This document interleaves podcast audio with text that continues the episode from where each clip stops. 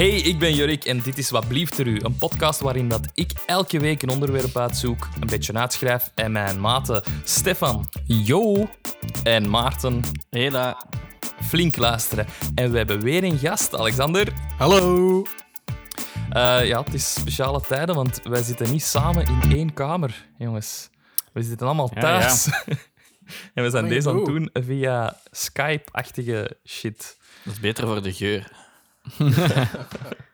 Maar dat weerhoudt ons niet om een lekker rummetje te drinken, schooljongens. Hupsa. Ching. Ja, is Ching, al ching. ge... Goed, ik ga er ineens in vliegen. Hè. In 1907 werd Howard Carter, een Britse archeoloog, gevraagd door George Herbert, de vijfde graaf van Carnarvon, om in de Vallei der Koningen in Luxor, Egypte, opgravingen te doen op zoek naar tombes van oude Egyptische farao's. Ehm, in die vallei lagen er veel. Er waren er ook al een paar gevonden, maar daar lag meestal ook gigantische schatten in. Dus die mens werd eigenlijk ingehuurd door een rijke lord om te gaan zoeken naar andere tom- tombes. En dan, nadat Carter aanwijzingen had gevonden, begon hij in 1915 een systematische zoektocht naar de tombe van Tutankhamon. Ah. Eh, Alexander, hoe spelt je Tutankhamon? Kunnen we allemaal googlen nu. Probeer, Oeh. probeer. T. Oh. Geen idee. T-O-U. Nee, E. Ja? T-A-N. C-H. Ja? A-M-O-N. hey, heel goed, jongen. Zonder eh, hulp. Is het juist? Ja, het is juist. Ja, zie je? Oké. Hopla. Ah, nee. Stefan, zonder op te zoeken, hoe spelt je Tutankhamon in het Engels? Eh, T-U-T-A-N-C-H-O-M. Ah nee, Tutankhamon. Tutankhamon. Tutankhamon. Tutankhamon. Tutankhamon. Maar met U in plaats van eh, OE, denk ik. Dat is fout. Ja. Maarten, jij een Ah, gokje doen? ik dacht, dat, het dacht dat Stefan het ging weten. Wacht. Eh jij hebt al met de U gezegd. Ja. Oei. Dan weet ik het niet. Je zelfs geen gokje. Dat weet ik het Ik gewoon dacht, niet. dat je- dacht dat je het in het Frans ging vragen, dus daar was ik op voorbereid. Ik zit dan opzoeken. Nee, Tutan Tutankhamon. Dat is T-U-T-A-N-K-H-A-M-U-N. Ah, ja, Volledig anders die kennen geschreven. de- Gamon. Gamon. Dus de tombe van Tutankhamon, al van gehoord? Hm? Allemaal? Ja. Pakt van wel. Allee, oké. Goed. Dat was het dan voor vandaag. De jongens weten er al.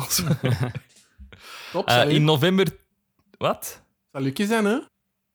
Oh, nee, dat je... zo, gaat dat, zo gaat dat waarschijnlijk veel zijn, deze afleveringen. Wat? Wat? Hm? Sorry? Zei je?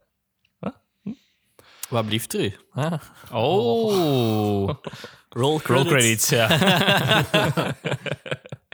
In november 1922 werd de tombe van Tutankhamon uiteindelijk gevonden. Dus van 1915 pas in 1922. Heeft lang gezocht.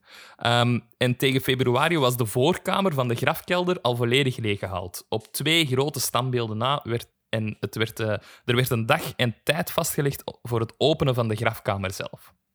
Ze deden dat om zoveel mogelijk mensen eigenlijk uit te nodigen, ook allee, zo een paar mensen uit te nodigen om erbij te zijn. Eh, er waren dus ongeveer twintig mensen aanwezig als getuigen, waaronder Lord Carnarvon.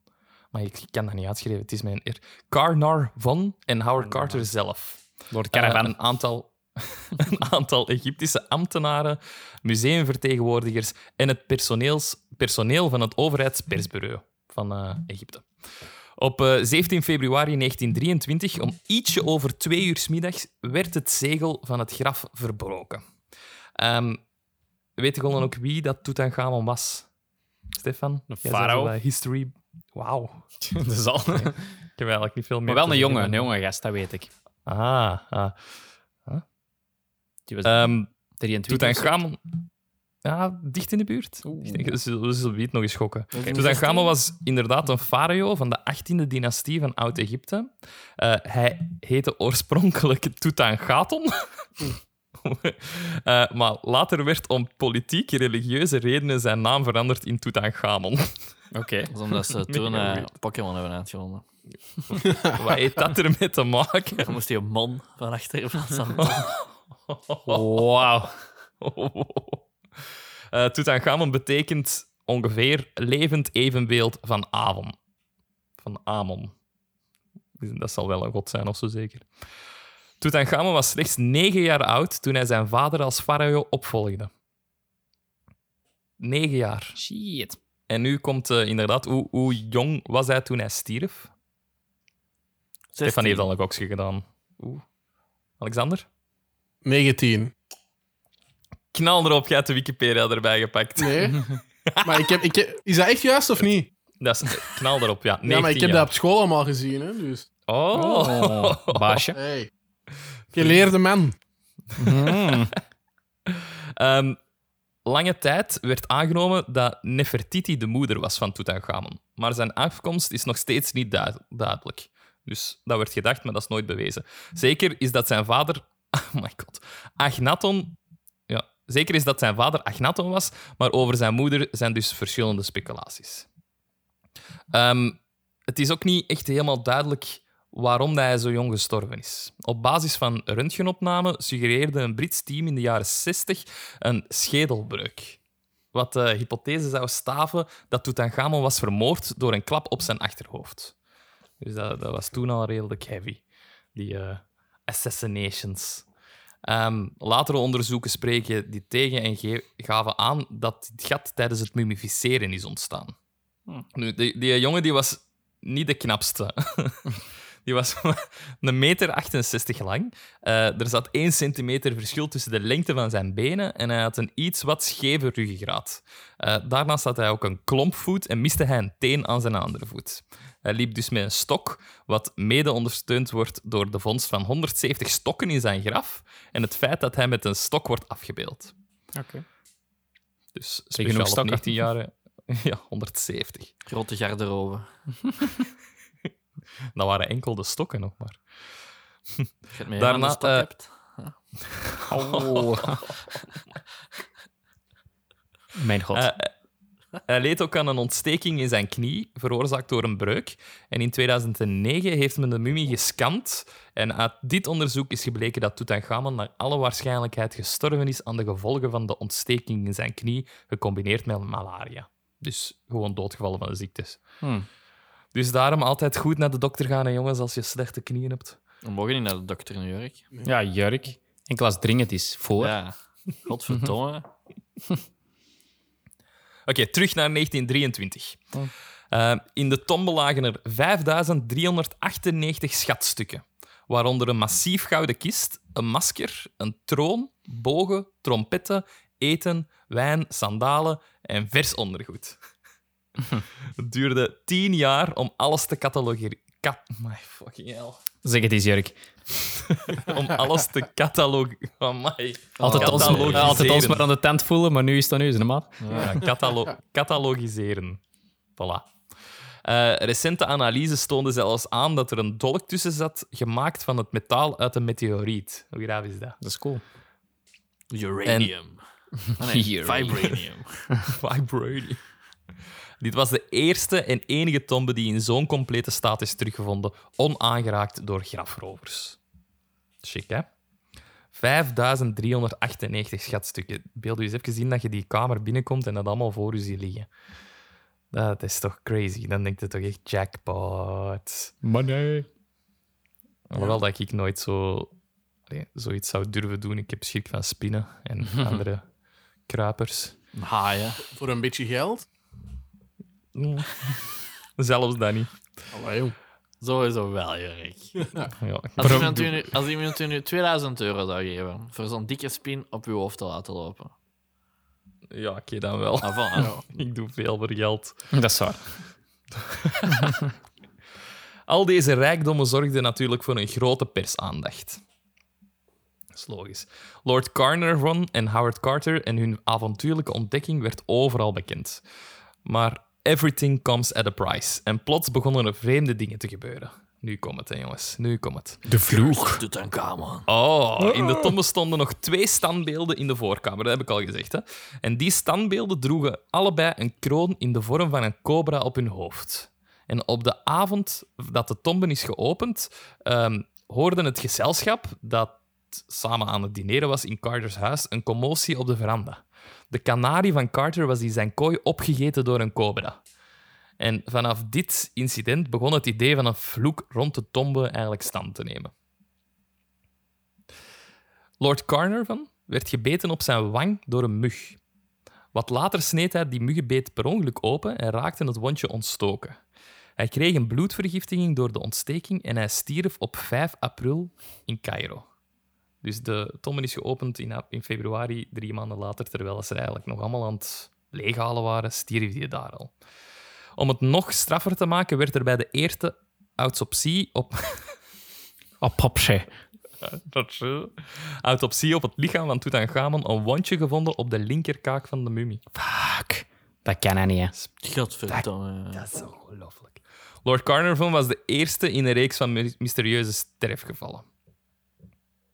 Ehm, de pers sprong hier met gretige klauwen op en, zeker, en een zekere Sir Arthur, je bent hier mee aan het lachen. ik ben de hele tijd met mijn baasje. Ik weet niet waarom ik president, dat eh, doe. Zie, dat is dit. President Shake. president move.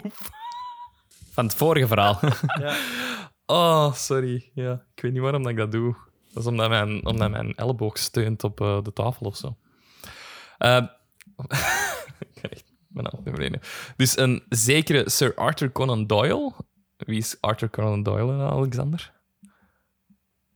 Is dat niet de ehm, bezieler? Ah. Maarten eh, had een goed antwoord. Is dat niet de bezieler van eh, Sherlock Holmes? Dat is inderdaad de is- auteur ik kan ook zeggen, een Sherlock schrijver, Holmes, hè. Arthur Conan Doyle. De bezieler. Wist ik niet. Ehm, die suggereerde in een artikel dat de dood van Lord Carnarvon was veroorzaakt door elementals die waren gemaakt door Tutankhamons priesters om de tombe te bewaken. Dus Sir Arthur Conan Doyle geloofde heel hard in het bovennatuurlijke. Maar dat is een, eh, een verhaal voor een andere aflevering. Die komt dus nog. Oeh, graaf. Ehm, het verhaal rond de vloek sloeg, sloeg internationaal aan. Sloog. Eh, ja, ik heb ook zo koorts en al, dat is echt... Ik weet niet wat dat, wat, wat dat is, maar... Een droge noest. Ik ga nu disconnecten uit deze gesprek. Ik ga mijn laptop wat verder zetten. dan. Anderhalve meter afstand, Jurk. Benito Mussolini, ken je die? Goeie gast. Fascist. Ja, Die naam komt mij wel bekend voor, maar...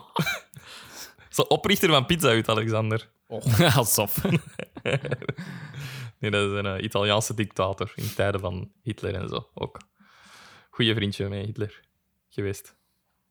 Ehm, die had ooit een mummie gekregen als geschenk en beval toen hij het verhaal hoorde onmiddellijk om het, het, de mummie uit het Palazzo Chigi te verwijderen. Dus die was direct ook verkocht aan, eh, aan de creepy eh, ja, vloek daar rond.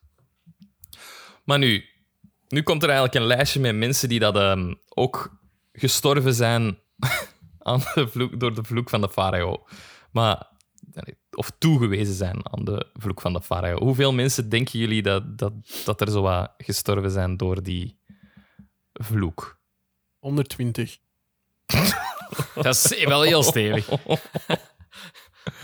12. 22. Het is... Ze hebben er... het is veel, veel minder. Acht.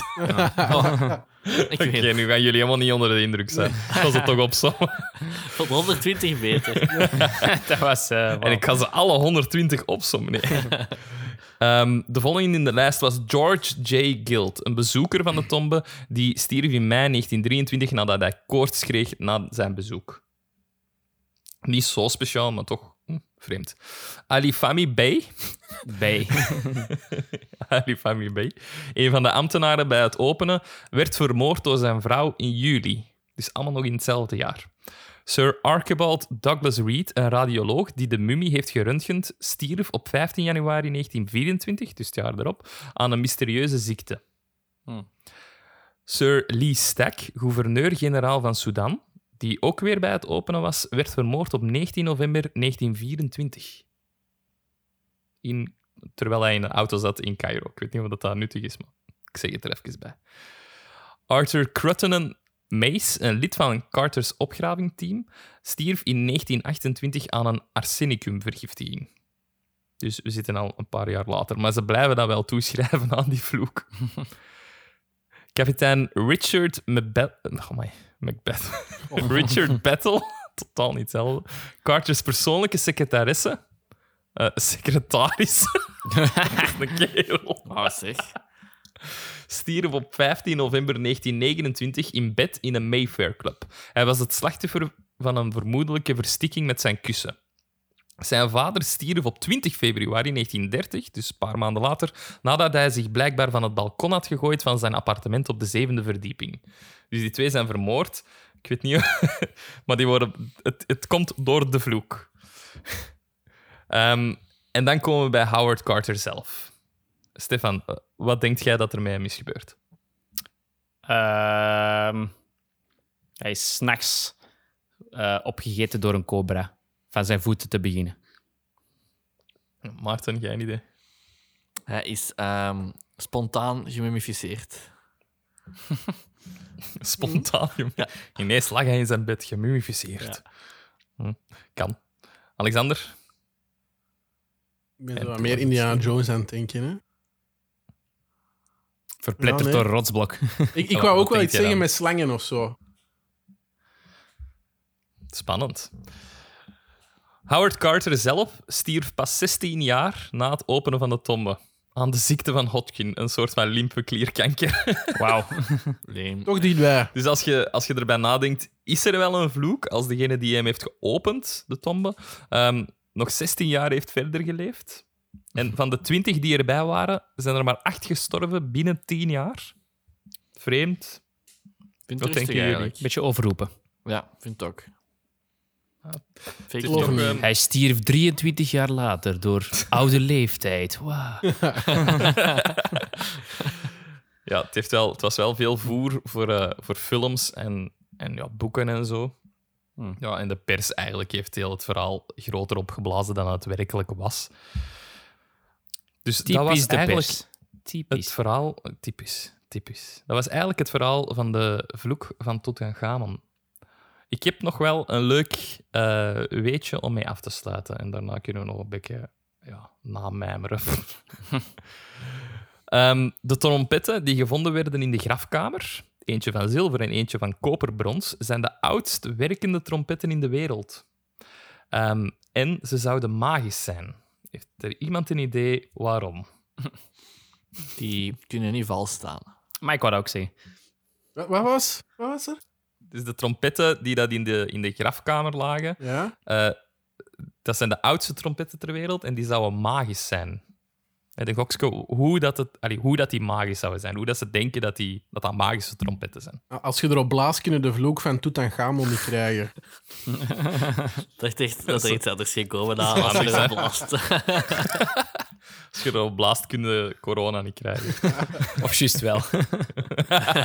Als iedereen daar even op blaast, dan zijn we er misschien sneller vanaf. Als je erover, als je erover wrijft, dan komt de geest eruit. Van Tutankhamon. Als je over mijn trompet wrijft, komt er wel iets anders uit. Oh. Oké. Eh, nee, nee, nee. Het is als er eh, iemand op een van de trompetten zou blazen, zou er een oorlog starten. En het vreemde is, in 2011 blies er iemand van het personeel van het museum van Cairo op een van de twee trompetten. En een week later begon de revolutie in Egypte. Wij hebben dat nog geweten. Maar dat is wel Nee, durven nee, dan. nee. Waarom in doet hij dat dan? 68 is dat ook gebeurd. En met de Golfoorlog is dat ook gebeurd. Is dat ook elke keer een week daarvoor heeft er iemand op die trompet geblazen en begon er ergens een oorlog. Dus dat is al drie keer voorgevallen. Ja, misschien wordt er dat wekelijks die, op die eh, trompet geblazen of zo, je weet het niet. Ja, nee, dat ligt in een museum. Hè. Elk, Dat elke dag iemand en dan zo, ja, maar het is weer wat was. Allee, nou weer, nou weer. Nou weer, call dit. Voilà, dat was de, de vloek van Tutankhamon. Goed, jongens, het is een iets kortere podcast. Dus we gaan er nog wat opvullen, zeker. Nee. Wat doen jullie al eh, terwijl jullie vastzitten thuis?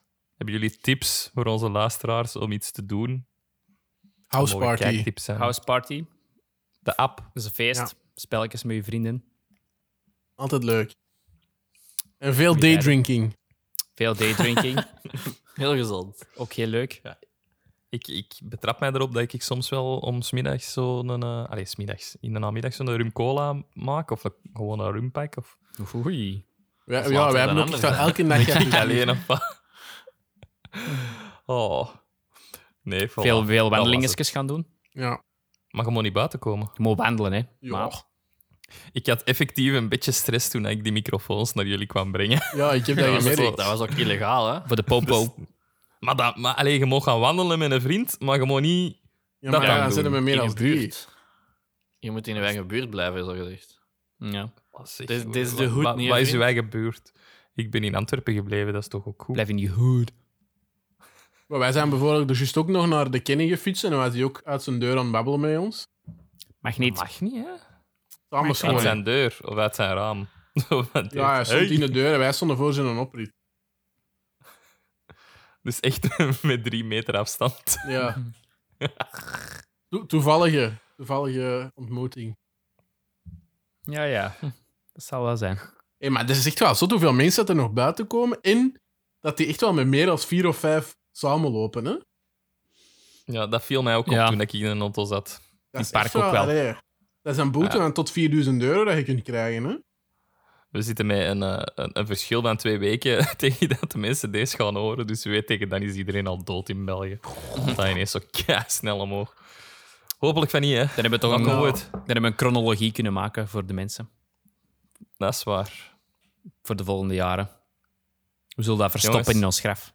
Ik ben wel eens benieuwd hoe lang dat, dat nog gaat duren. Zullen we wel zien.